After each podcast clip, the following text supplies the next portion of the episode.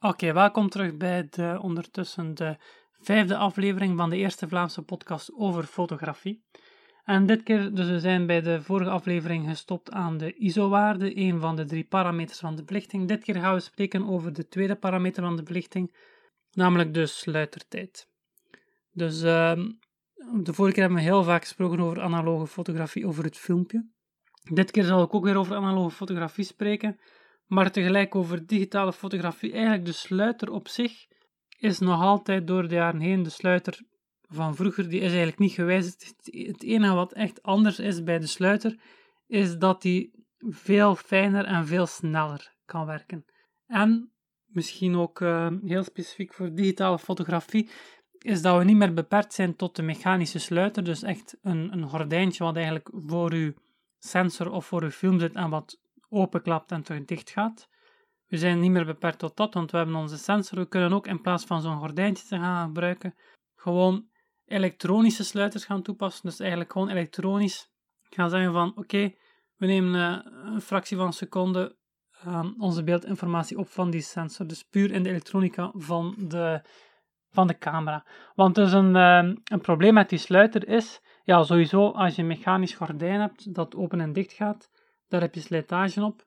Dus wel zo dat die slijtage, zeker als je naar professionele toestellen gaat, die is eigenlijk bijna verwaarloosbaar, omdat die vaak zo lang meegaat dat het toestel eerder stuk zal gaan van een andere externe factor dan van die sluiter. En veel van die echt, uh, in principe, als je, als je een, een, camera koopt, een professionele camera van 4000 euro of meer, ja, dan, dan is dat ook geen probleem om voor 1000 euro na twee jaar gebruik daar een nieuwe sluiter in te plaatsen. Als, als dat betekent dat je die camera verder kunt gebruiken daarna.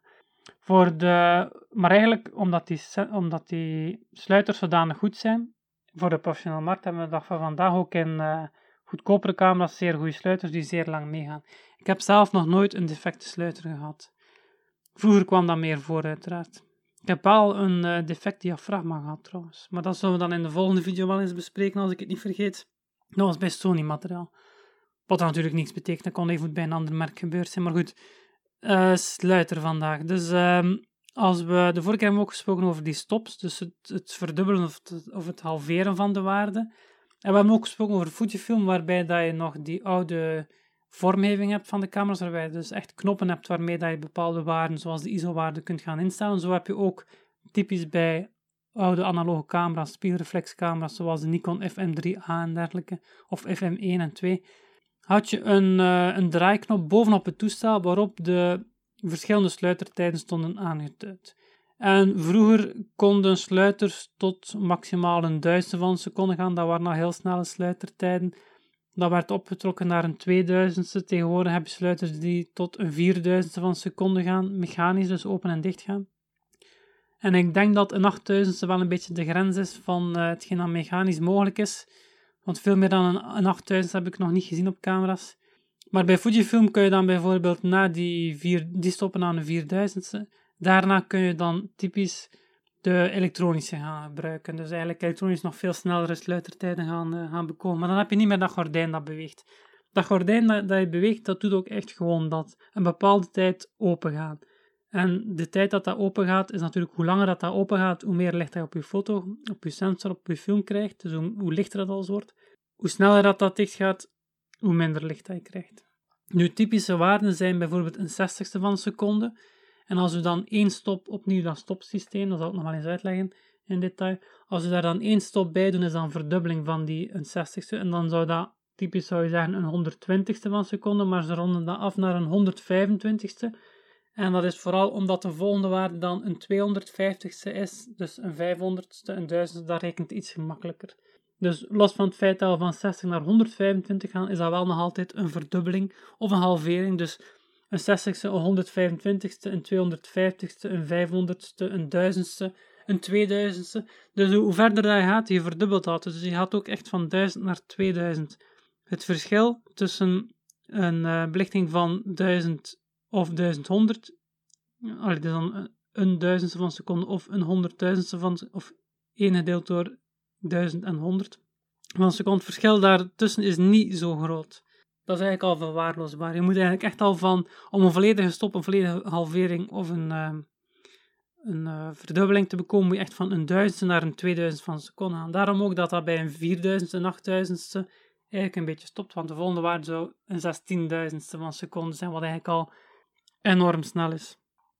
Het, um, het effect daarvan, van een, um, ja, dus je bepaalt daarmee een belichting, hoe lang dat, dat open of dicht is. Het, ja, er zijn ook tussenliggende waarden. Ik, heb, ik spreek nu opnieuw van een 60 en 125. je kunt ook um, tussenliggende waarden hebben, maar heel vaak als je echt met knoppen werkt, gaat het vaak op die knoppen in volle stop staan. En als je dan in de menu duikt, zal het in een derde van een stop weer uh, aangeduid staan. Nu, het effect daarvan op je beeld ging dus vooral over de beweging van u als fotograaf. Dus als je als fotograaf beweeg je, heb je trillingen. Om die beweging te gaan neutraliseren, een belangrijke tip, een regeltje, gebruik 1 gedeeld door de brandpuntsafstand van uw lens als minimale sluitertijd. Dus dat betekent brandpuntsafstand, ik weet dat dat komt nog aan bod, maar eigenlijk een brandpuntsafstand, bijvoorbeeld een standaard lens, is een 50 mm lens op kleinbeeldformaat dan. Dus dan zou 1 gedeeld door een 50ste van seconde nu afgerond op een 60ste dan bijvoorbeeld, zou dan een minimale sluitertijd zijn dat je moet gaan teren. Dus je mag niet trager instellen dan een 60ste. Een 30ste is dus te traag eigenlijk. Uh, wil je een scherpe foto maken? Gewoon puur omdat je als fotograaf ook een klein beetje beweegt. Gebruik je echter een uh, groothoeklens, een 35 mm lens, dan kun je wel naar die 31 staan, omdat 1 gedeeld door 35 is op dat moment. Omgekeerd kun je als je een hele sterke telelens gebruikt van bijvoorbeeld 500 mm of 1000 mm, laten we eens van heel extreem, een, een telelens van 1000 mm, dan moet je eigenlijk al een minimale sluitertijd van 1 gedeeld door een duizendste gaan. Uh, dus een, een minimale sluitertijd van een duizend. Je mag niks daaronder selecteren, puur omdat je als fotograaf een klein beetje beweegt en je fototoestel nooit volledig vast hebt. Gewoon al door je ademhaling, uh, door het indrukken van de ontspanner en dergelijke meer, beweeg je altijd een beetje. De reden dat dat bij zo'n telelens um, vergroot, die beweging, is, is, omdat die telelens ook een vergrotend effect heeft. Dus die, die gaat die beweging van u als fotograaf ook gaan vergroten. Je kunt dat typisch als je, als je een, een uh, zoomlens hebt en uh, je zet die op groothoek, dan ga je, weinig, dan ga je rustig zoekerbeeld krijgen. Maar als je die op tele zet, en zeker als je dan grote telewaarden hebt, grote lange brandpuntsafstanden van een 200ste en meer, dan ga je elke beweging die je zelf maakt veel gemakkelijker in die zoeker ook kunnen gaan zien. Dus dan kan je echt gewoon door je zoeker zien waar we het hier over hebben. Dus die beweging van nu als fotograaf, dat wilde gaan neutraliseren. Met dat regeltje zijn de 1 gedeeld door de brandpuntsafstand van de lens. Natuurlijk, als je een zoomlens gebruikt, is het de ingestelde brandpuntsafstand. Uh, een andere beweging dat je krijgt en dat je wilt, ja, je kan dan natuurlijk willen bevriezen, maar je kan ook bewust willen die beweging laten zien in je beeld. Dat je die niet bevriest, dat je, die, dat je wel een wazige foto krijgt, dat kan perfect zijn. Maar dan hebben we het vaak, uh, dus, dus als we het hebben over onscherpte door de beweging van de fotograaf, beweegt het hele fototoestel, dus dat is heel je foto onscherp. Maar als je een, een, uh, een onderwerp hebt dat beweegt, dan, uh, en je, je fotografeert dat met een iets te lage sluitertijd, dan krijg je dus een heel wazig in strepen bewegend onderwerp, maar zal je omgeving vaak nog wel scherp zijn. Dat kan ook een mooi effect zijn natuurlijk. Maar dat is dus een andere vorm van bewegingsonscherpte, de, de onscherpte door de beweging van uw onderwerp. En uh, ja, extreem bij sportfotografie zijn er uh, onderwerpen die voorbij vliegen. Ja, trouwens, de as waar, van de richting waarin dat het onderwerp beweegt is ook van belang. Een onderwerp wat naar u toe beweegt is veel minder, um, heeft een minder groot effect, gaat eigenlijk veel meer over scherptediepte dan over bewegingsonscherpte van, uh, ja, door de beweging. Terwijl een onderwerp wat dat dwars op, uh, op de kijkrichting beweegt, veel, uh, ja, veel moeilijker te bevriezen is of een hogere sluitertijd nodig heeft. Als we het hebben over bijvoorbeeld um, Iemand die aan het wandelen is, iemand die naar u toestapt, kan zijn dat je dat op een dertigste van een seconde nog scherp in beeld krijgt. Nu, afhankelijk van uw lens, vergeet ook uw eigen beweging, die zal eerder naar een 60 van een seconde gaan, maar als die horizontaal, dus uh, dwars op de as van de kijkrichting beweegt, dus echt van links naar rechts of van rechts naar links in uw beeld beweegt, dan zul je een sluitertijd nodig hebben van eerder een 125ste om die beweging te bevriezen. En dat is gewoon van iemand die wandelt.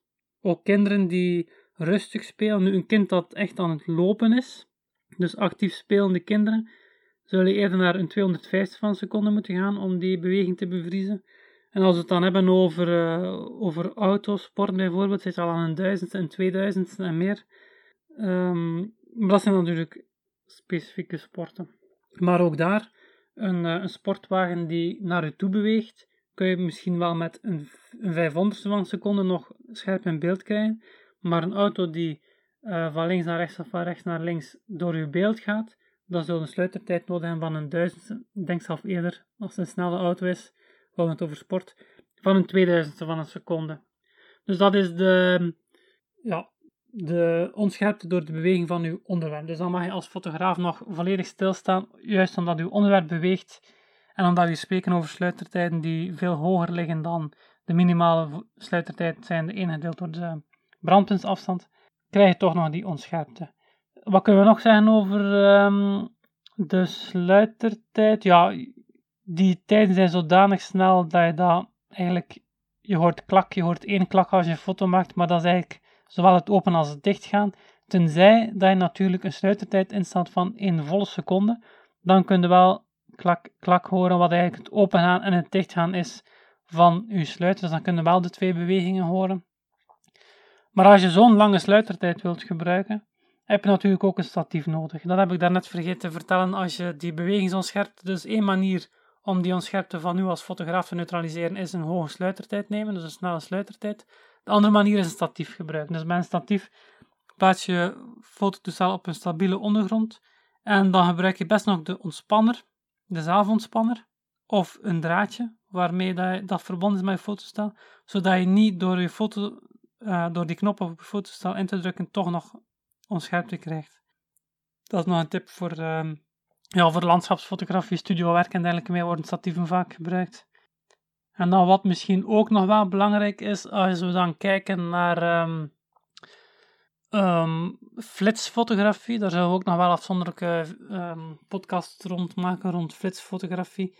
Dan heb je eigenlijk ook een, een belangrijke factor, namelijk de, de hoogste, de snelste tijd die je kunt instellen die nog gesynchroniseerd is. Dus de, de maximale flits synchronisatietijd is denk ik de juiste term. Want die is zeker geen vierduizendste van seconde. Ook al kan uw camera een vierduizendste. De maximale synchronisatietijd voor flitsen, voor sluiters en flitsen zal eerder rond de. Worden, dat wordt altijd maar minder en minder, maar ik denk dat dat rond de 180 ligt bij Fujifilm. En bij veel camera's zal dat eerder 125 van een seconde zijn, bijvoorbeeld. En dat betekent gewoon als je een flits gebruikt, dan mag je geen snellere tijd gebruiken dan die tijd. Anders krijg je eigenlijk je, uh, sluiter, de lamellen van je sluiter te zien in beeld. Nu natuurlijk, als je flits gebruikt, is dat niet zo'n groot probleem dat je geen snellere tijd kunt gebruiken, want je flits kan bijvoorbeeld wel veel sneller gaan dan die 125, waardoor je die beweging alsnog bevroren hebt, omdat er maar voor een bepaalde tijd dat je flits geflitst heeft, eigenlijk was er maar die tijd, allee, de tijd dat die flits aanstond, is eigenlijk maar de tijd dat de foto belicht werd of toch het onderwerp wat in het flitslicht staat. De rest van de omgeving zal alsnog um, binnenkomen als de sluitertijd langer is, maar zal minder van invloed zijn omdat flitslicht typisch een heel felle lichtbron is, die je heel kort laat je foto belichten. Dus dat is nog een parameter om mee rekening te houden, de, de hoogste flitssynchronisatie. Ah, en als we het dan over die synchronisatie hebben, dus dat is eigenlijk een beperking van een, een, een eh, sluitersysteem, dus, dus wat ik zei van die lamellen, die open en dicht gaan doet er mij aan denken, je trouwens van Nikon FN3A had je een speciale versie met uh, titanium uh, sluiters. Dus heel ja, duur wel, maar heel uh, duurzaam eigenlijk. Maar dan, een, er zijn ook andere vormen van sluitersystemen. En een daarvan is een sluiter die eigenlijk als een diafragma werkt. Dus die van, eigenlijk identiek als diafragma, wat we in de volgende podcast gaan bespreken. Dus open en dicht gaan van uw lensopening, maar dan het verschil met die um, centraalsluiter noemen ze dat geloof ik, is dat die volledig dicht gaat, terwijl een diafragma gaat nooit niet volledig dicht gaan. Maar dus die centraalsluiters die gaan volledig dicht en open in een heel korte tijd. Maar omdat dat een cirkelbeweging is, zitten we niet meer met die beperking van die gordijnen die, er voor, die, die eigenlijk voorbij vliegen, voor je foto gaan. Dus je hebt niet meer, als je, sluit, als je gordijnen heel snel open en dicht moeten gaan, als je sluiter heel snel moet gaan, is uw foto eigenlijk nooit volledig of uw frame eigenlijk nooit volledig open, maar is dat gewoon een klein kiertje tussen twee lamellen dat open staat, dat over het beeld gaat. We het dan over snelle sluitertijden. Sneller dan die flits-synchronisatietijd. Dus dat maakt dat je die lamellen in beeld te zien krijgt, als je dat met flits gebruikt. Terwijl als we die centraalsluiter gebruiken, en een Hasselblad bijvoorbeeld heeft zo'n systeem, dus dat maakt dat er in de body van de camera, de camera zelf, zit geen sluiter in. Ja, er zit typisch wel iets in om je, om je filmoppervlak af te sluiten voor het licht, maar dat is geen sluiter die mechanisch snel open en dicht kan gaan. En de plaats daarvan zit er in uw lens een diafragma, maar ook een sluiter. Dus dat maakt dan die lenzen daardoor wel duurder zijn over het algemeen, omdat er eigenlijk in elke lens ook een sluiter moet zitten. En uh, omdat die op die manier dus in die, als een diafragma open en dicht gaat, ga je nooit die lamellen kunnen zien in uw beeld. Omdat dat een vloeiende beweging is, open en dicht, en nooit beperkt is tot een keer. Natuurlijk, de maximale sluitertijden zijn lager, maar voor studiowerk is dat wel handig, opnieuw Hasselblad. Uh, ik denk dat we daarmee wel het meeste gezegd hebben over de sluiter, dus het feit dat we daarmee onze belichtingstijd gaan bepalen. En het effect op uw scherpte van uw beeld, dan het vooral over bewegingsonscherpte. In de volgende podcast gaan we het hebben over de derde en laatste parameter van de belichting, namelijk diafragma. Dat was het voor deze.